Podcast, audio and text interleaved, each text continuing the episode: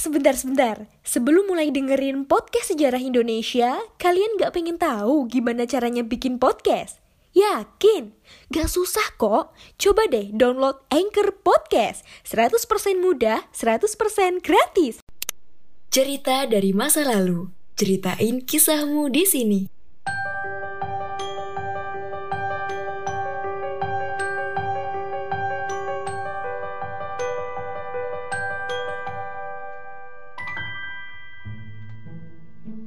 Halo assalamualaikum Selamat pagi, selamat siang, selamat sore, dan selamat malam Di mana pun kalian berada Semoga hari kalian menyenangkan Kembali lagi di konten cerita dari masa lalu Podcast Sejarah Indonesia di mana kami akan menceritakan tentang kisah-kisah pengalaman yang berkesan yang dikirimkan oleh para pendengar.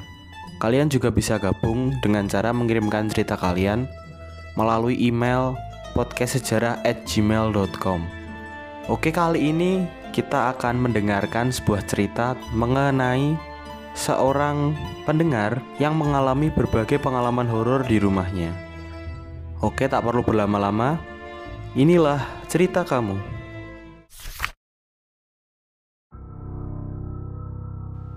Uh, perkenalkan, saya Zen.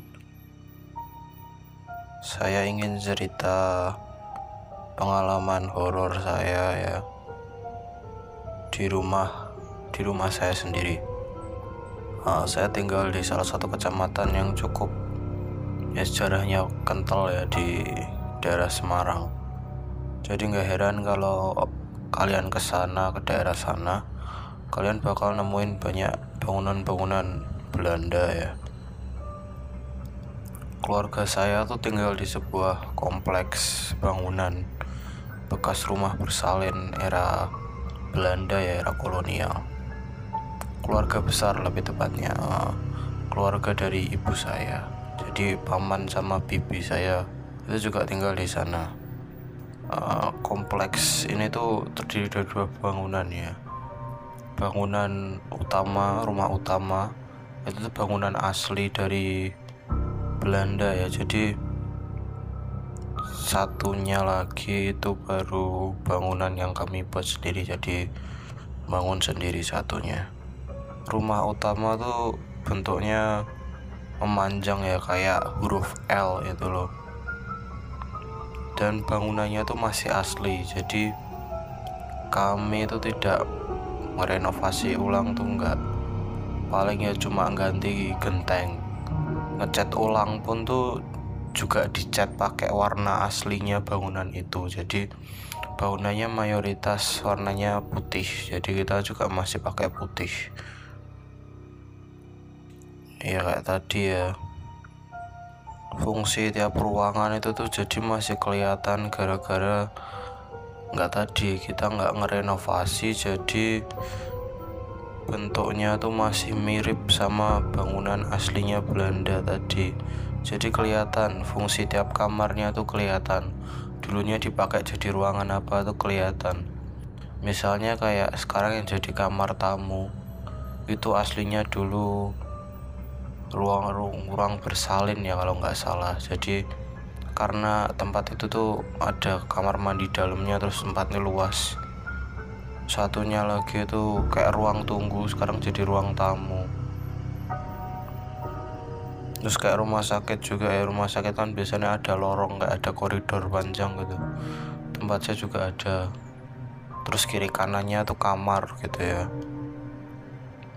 Ya serem ya tapi mau gimana lagi? Soalnya rumah ini tuh memang peninggalan dari kakek buyut saya ya. Jadi mau nggak mau harus dijaga. Pengalaman horor saya di rumah itu tuh yang saya inget terus yang setahu saya diceritain juga tuh katanya waktu saya masih TK waktu masih taman kanak-kanak tuh saya pernah tiba-tiba nangis waktu mainan bola di rumah itu ya. Soalnya gara-gara katanya saya tuh ngelihat sosok ada kayak perempuan gitu bungkuk di pinggiran ruangan gitu. Di pinggiran kamar makanya saya nangis ya saking seringnya di rumah itu tuh sering kejadian kayak macam-macam tuh sering. Misal kayak gampang-gampang kayak gelas gerak sendiri itu yang simple ya. Terus kayak suara panggil-panggil tapi nggak ada orangnya. Terus kayak waktu keponakan saya gitu digendong tiba-tiba nangis. Terus sambil nunjuk-nunjuk ke langit-langit rumah gitu tiba-tiba itu sering ya saking seringnya kayak kalau yang kayak gitu-gitu tuh cuma dianggurin sama orang rumah. Udah saking seringnya sampai nggak udah nggak dianggap. Jadi udah kebiasaan. Terus ya yang kalau yang saya masih inget-inget itu tuh umumnya yang anu ya jadi yang bener-bener bekas tuh tuh kala kayak waktu ngepasit waktu tertentu gitu ngebarengi ada apa kalau enggak ya karena parah jadi intensitasnya parah gitu. Yang saya ingat selanjutnya tuh waktu saya habis dikitan. Jadi waktu itu sekitar saya umur berapa ya? Lebih dari 10 tahun lah saya lupa. Udah lebih dari 10 tahun saya. Ya kayak kalau kayak orang kitan kan jalannya susah loh nah, terus saya akhirnya tuh ditempatin di kamar tamu. Soalnya kamar tamu itu tuh ada kamar mandinya. Jadi saya kalau mau bolak-balik kamar mandi tuh gampang nggak usah. Soalnya kamar mandi saya tuh jauh di kalau di rumah itu tuh kamar mandi di belakang. Jadi agak jalannya agak jauh. Makanya saya ditaruh di kamar tamu. Nah, terus walaupun di situ ada kasur tuh saya akhirnya mending tidur di sofa ada sofa panjang tuh nah, saya duduk tidur sambil duduk. Soalnya kasur tadi itu tuh kasur lama ya. Jadi dipannya masih dipan besi gitu. Kalau didudukin aja bunyi gitu ya. Saya ya karena tadi habis kitan kan repot macam-macam. Saya mending milih tidur di kursi akhirnya. Kursinya tuh langsung menghadap ke pintu. Nah, waktu itu kan saya tidur, saya bangun jam 11 malam. Itu gara-gara sakit bang, atau lupa. Saya kayak sakit. Saya bangun. Nah, waktu saya bangun itu saya lihat ke depan pintu itu ternyata pintunya belum ditutup pak. Depan saya persis tuh jadi gelap gitu. Gelap langsung lorong rumah saya gitu ya. Ya terus kan saya bangun tuh otomatis. Bangun sambil jalan pelan-pelan gitu. Ya masih sakit. Terus juga habis bangun tidur kan gitu lemes gitu jalan lemes lemes lemes. Belum sampai pintu tuh saya lihat tiba-tiba kayak bayangan dua anak tuh lari. Jadi kayak orang kejar-kejaran gitu loh. Tapi tapi udah mau ketangkep satu nih jadi deket gitu. Kaget kan saya. Langsung badan tuh kayak bisa langsung kaget gitu. Langsung kayak ada adrenalin mungkin ya namanya. Jadi langsung bangun saya badan saya langsung seger kayak seger tiba-tiba langsung jalan agak kencang pintunya tak tutup langsungan. Saya langsung balik ke kursi lagi saya nyoba tidur. Saya paksain tidur saya. Besok paginya kan saya langsung cerita ke ibu saya tadi malam ada ini gitu. Ibu saya tuh reaksinya ternyata tidak seperti yang saya inginkan tidak seperti yang saya duga saya tuh malah dimarahi. Kayak apaan? Kayak bercanda kayak gitu. Habis itu kan hari itu saya juga masih sakit ya masih ya baru kemarin malam dikitan kan jadi kayak masih males juga. Saya akhirnya tidur siang bangun itu udah agak sore. Ya jam lima setengah enam mau maghrib gitu. Saya bangun. Kiri saya persis tuh kan jalan mbak luar kirinya kamar luarnya kamar tuh kan jalan. Jadi rumah saya tuh kan letter L tadi tuh rumah utama letter L. Terus kan sebelahnya tuh masih ada jalan tuh otomatis. Nah itu tuh jadi jalan masuk ke tempat saya ke bagian belakang. Itu tuh ada rumah yang satunya lagi tadi yang saya bangun yang keluarga saya bangun. Sama bagian L-nya yang pinggir itu tadi terus belakangnya tuh ada kebun. Nah kan sebelahnya ada jalan. Nah di jalan itu tuh saya dengar suara kayak langkah kaki berderap gitu loh kan brok brok brok brok brok brok kayak tentara. Kayak berapa ya? Kalau nggak salah tuh kalau nggak dua ya tiga orang lah. Nggak agak banyak. Nggak kayak satu kompi rame tuh nggak. Jadi antara dua atau tiga orang lah saya dengar itu tapi nggak kelihatan mbak di jendela. Kan jendela saya burem gitu tuh kaca lama jadi kaca masih bangunan asli. Jadi jendelanya itu kayak frosted glass gitu loh burem. Nggak kelihatan saya nggak ada orangnya juga kelihatannya. Tapi begitu saya tahu ya kayak sekarang itu ternyata hampir semua orang rumah tuh pernah denger itu. Suara itu tuh hampir pernah didengar semua orang rumah jadi udah bukan rahasia lagi kalau mau maghrib pasti ada suara tentara itu nggak tahu kenapa di jalan situ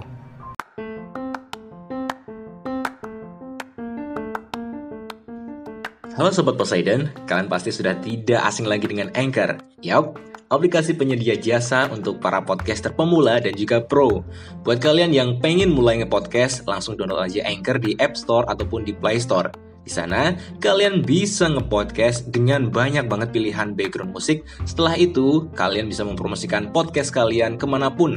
Secara otomatis, nanti akan di-sharekan oleh Anchor sendiri. So, tunggu apa lagi? Cus, nge-podcast bareng Anchor.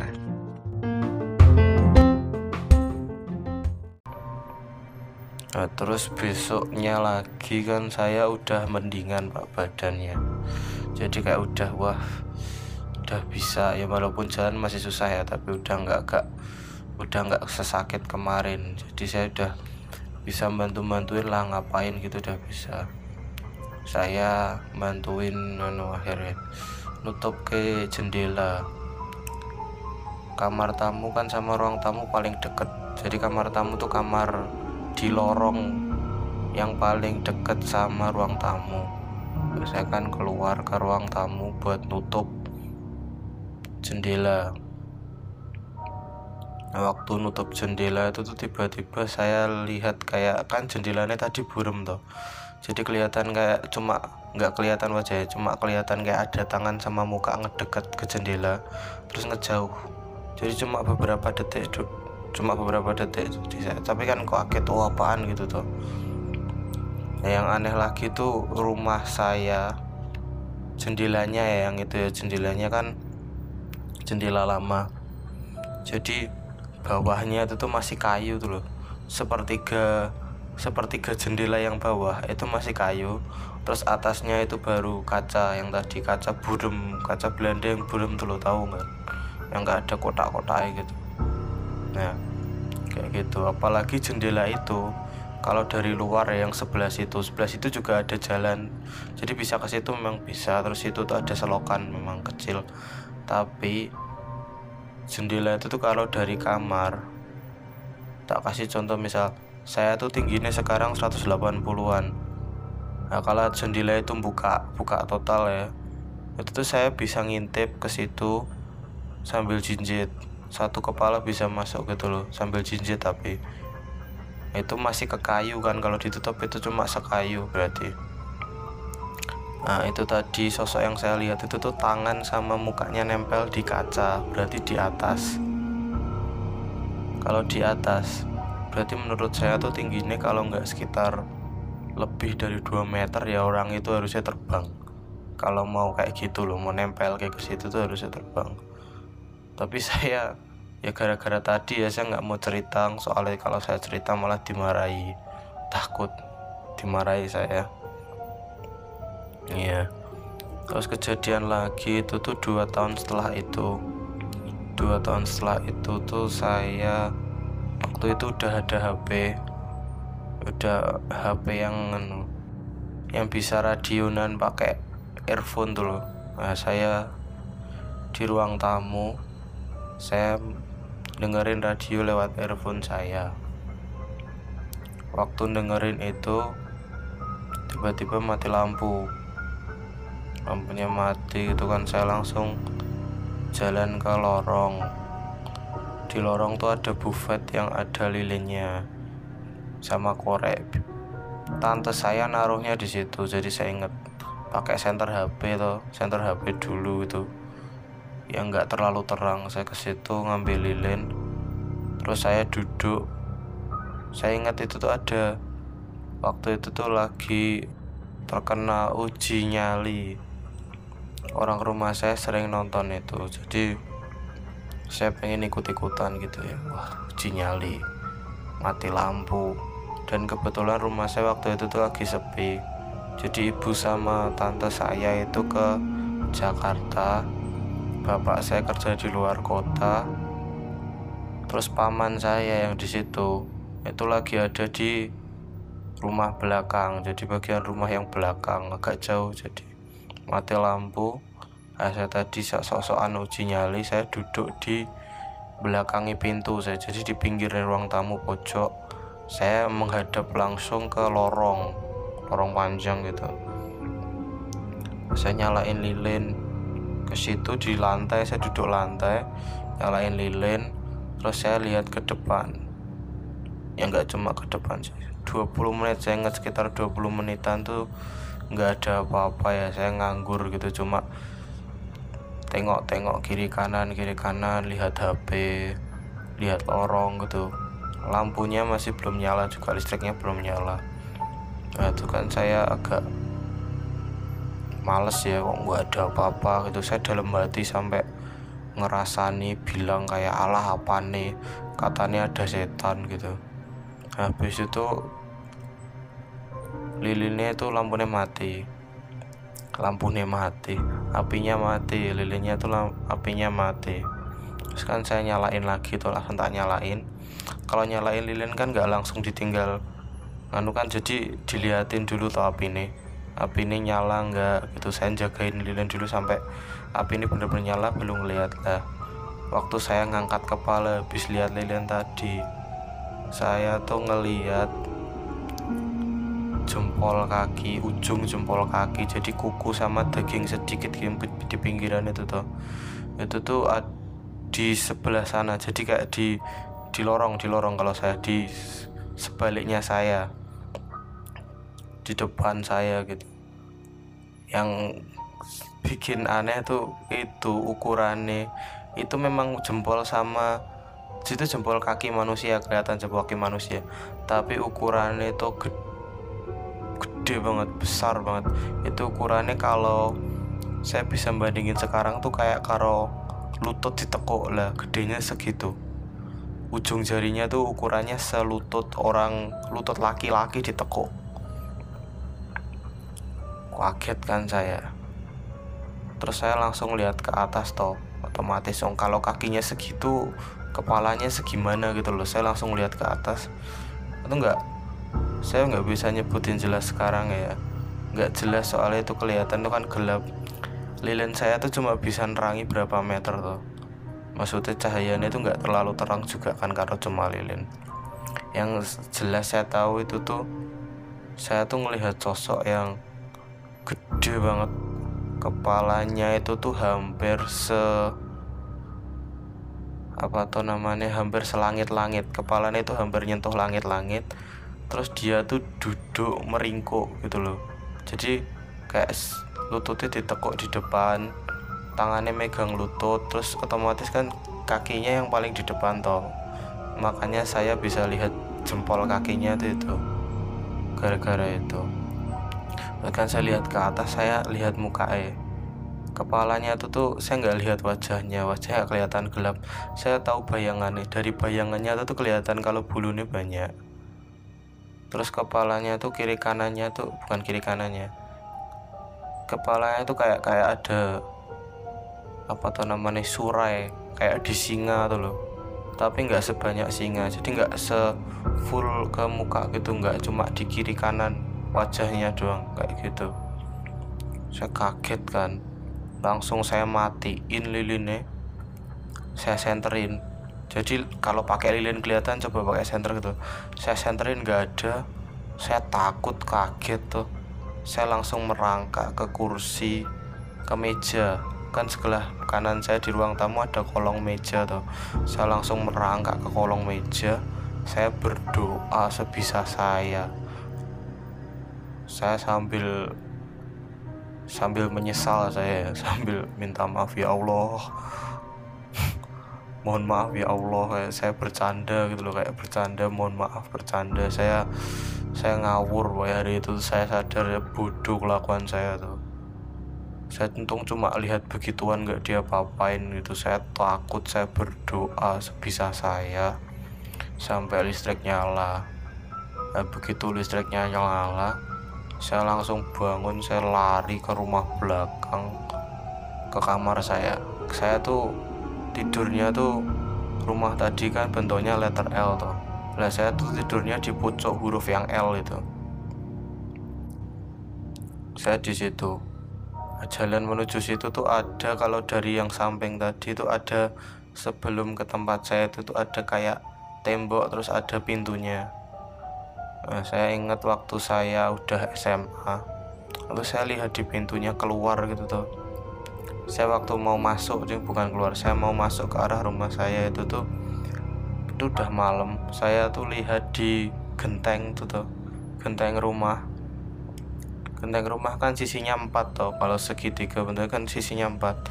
Ya itu kayak di sisi yang sebelah belakang itu tuh kayak ada orang jongkok kurus kering. Saya tuh nggak ngelihat full badan cuma kelihatan segimana ya. Ya kayak cuma kelihatan dikit. Saya tuh kelihat kayak pundak sama wajahnya tuh agak nengok ke saya gitu agak ke arah situ jadi kelihatan. Itu yang saya lihat itu tuh kurus kering. Soalnya saya bisa lihat kayak tulang tulang belakang yang di antara nih bahu tuh loh. Kayak tulang bahu kan tulang belakang ada tuh. Kalau orang kurus kan itu nih kelihatan jelas tuh biasa nih gak nonjol gitu loh kalau nunjuk nunduk. Saya lihat itu terus saya lihat kepalanya itu nggak ada bulu nih satu hal yang saya ingat itu tuh itu tuh kayak ada yang apa ya itu nggak tahu itu kuping atau tanduk pokoknya madep ke atas gitu dua. Kayak Batman ya saya ingat itu kayak saya lihat Batman apa gimana tapi kok kurus. Kayak nganu kayak kelelawar memang bener-bener kayak kelelawar kayak kalong gitu loh. Tapi kurus kering terus nggak ada. Terus setelah itu tuh dia nggak ada cuma berapa detik itu loh saya lihat. Terus dia tuh kayak hilang gitu nggak tahu dia turun ke belakang apa dia terbang atau dia ke mana nggak tahu. Habis itu kan pas itu kan saya langsung teriak wih apa wih gitu tuh nah kebetulan tuh di rumah sebelah yang rumah baru itu kan mas saya tinggal di situ anaknya tante saya. Itu tuh ngepasi juga mau masuk rumah barengan saya kan tapi dia udah jalan duluan dia langsung kaget kan dia ikut balik opo-opo dicek udah nggak ada. Di rumah belakang itu juga ada aneh-aneh ya. Kamar saya kan di situ berbatasan belakangnya kamar saya itu langsung kebun. Nah saya tuh pernah waktu tidur saya biasanya kan tidur di kamar tuh bareng sama adik saya. Saya satu kamar sama adik saya. Adik saya tuh lagi study tour kebetulan kan kasurnya kosong ibu saya akhirnya tidur di situ. Nah saya tuh ingat waktu tidur di sebelah depan saya tuh temboknya digedor-gedor kencang gitu. Dok dok dok dok dok saya bangun kan kaget saya. Dok dok dok dok dok dodok lagi. Terus yang waktu dodokan ketiga dipukul yang ketiga itu kan ibu saya akhirnya bangun tuh kaget juga berdua lihat-lihatan toh. Akhirnya kan yang dengerin bukan cuma saya ternyata ternyata ibu saya juga dengerin toh. Saya langsung lari ibu saya masih di kamar sambil bilang ih saya ono saya ono saya dodoki. Saya keluar tak senteri langsung tuh gak ada siapa-siapa. Dan gini tembok saya di pan itu kalau sama kebun belakang itu tuh jaraknya agak tinggi. Jadi pondasi saya tuh kelihatan gitu loh ke dari tembok saya tuh kalau dari tanah itu sekitar 2 meter lebih. Jadi kalau mau duduk-duduk tuh seenggaknya harus punya tangga. Naik tangga jadi harus naik tangga. Terus nggak mungkin secepat itulah saya keluar rumah langsung ke situ kelihat ke kebun nggak ada siapa-siapa nggak ada tangga nggak ada orang lari. Besok paginya kan terus saya cek lagi tuh soalnya malam nggak kelihatan. Saya paginya cek lagi bawahnya tuh kan tanah. Jadi bukan rumput. Ya rumputnya agak jarang jadi kelihatan tanahnya loh jejak tuh bisa kelihatan di situ. Tuh nggak ada jejaknya nggak ada bekas tangganya. Terus apa tuh namanya? Di fondasi saya tuh, tuh juga disandanin genteng-genteng gitu loh. Genteng-genteng yang nggak kepake. Itu taruh di situ. Nanti kalau ada yang rusak kan bisa ngambil ganti gitu tuh itu juga nggak ada bekasnya kaki apa bekasnya apa kalau bekas dinaikin. Ya mungkin cuma segitu ya cerita saya tentang hal-hal horor di rumah saya. Terima kasih tim Poseidon sudah mau mendengarkan cerita saya. Terima kasih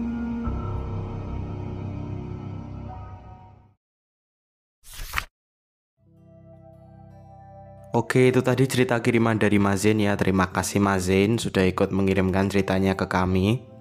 Buat kalian yang masih mendengarkan sampai saat ini juga terima kasih banyak. Kalau kalian punya cerita yang pengen kita bacain juga bisa dikirimkan melalui email podcastjarak@gmail.com. Entah itu cerita cinta, cerita horor atau apa pun cerita memalukan mungkin. Kalau kalian ingin ceritanya kami bacain ya silahkan ceritanya dikirimkan ke kami. Oke, sekian yang bisa saya sampaikan hari ini ya. Kurang lebihnya kalau ada salah ya mohon maaf. Saya Gar Kananta pamit. Stay strong and stay healthy.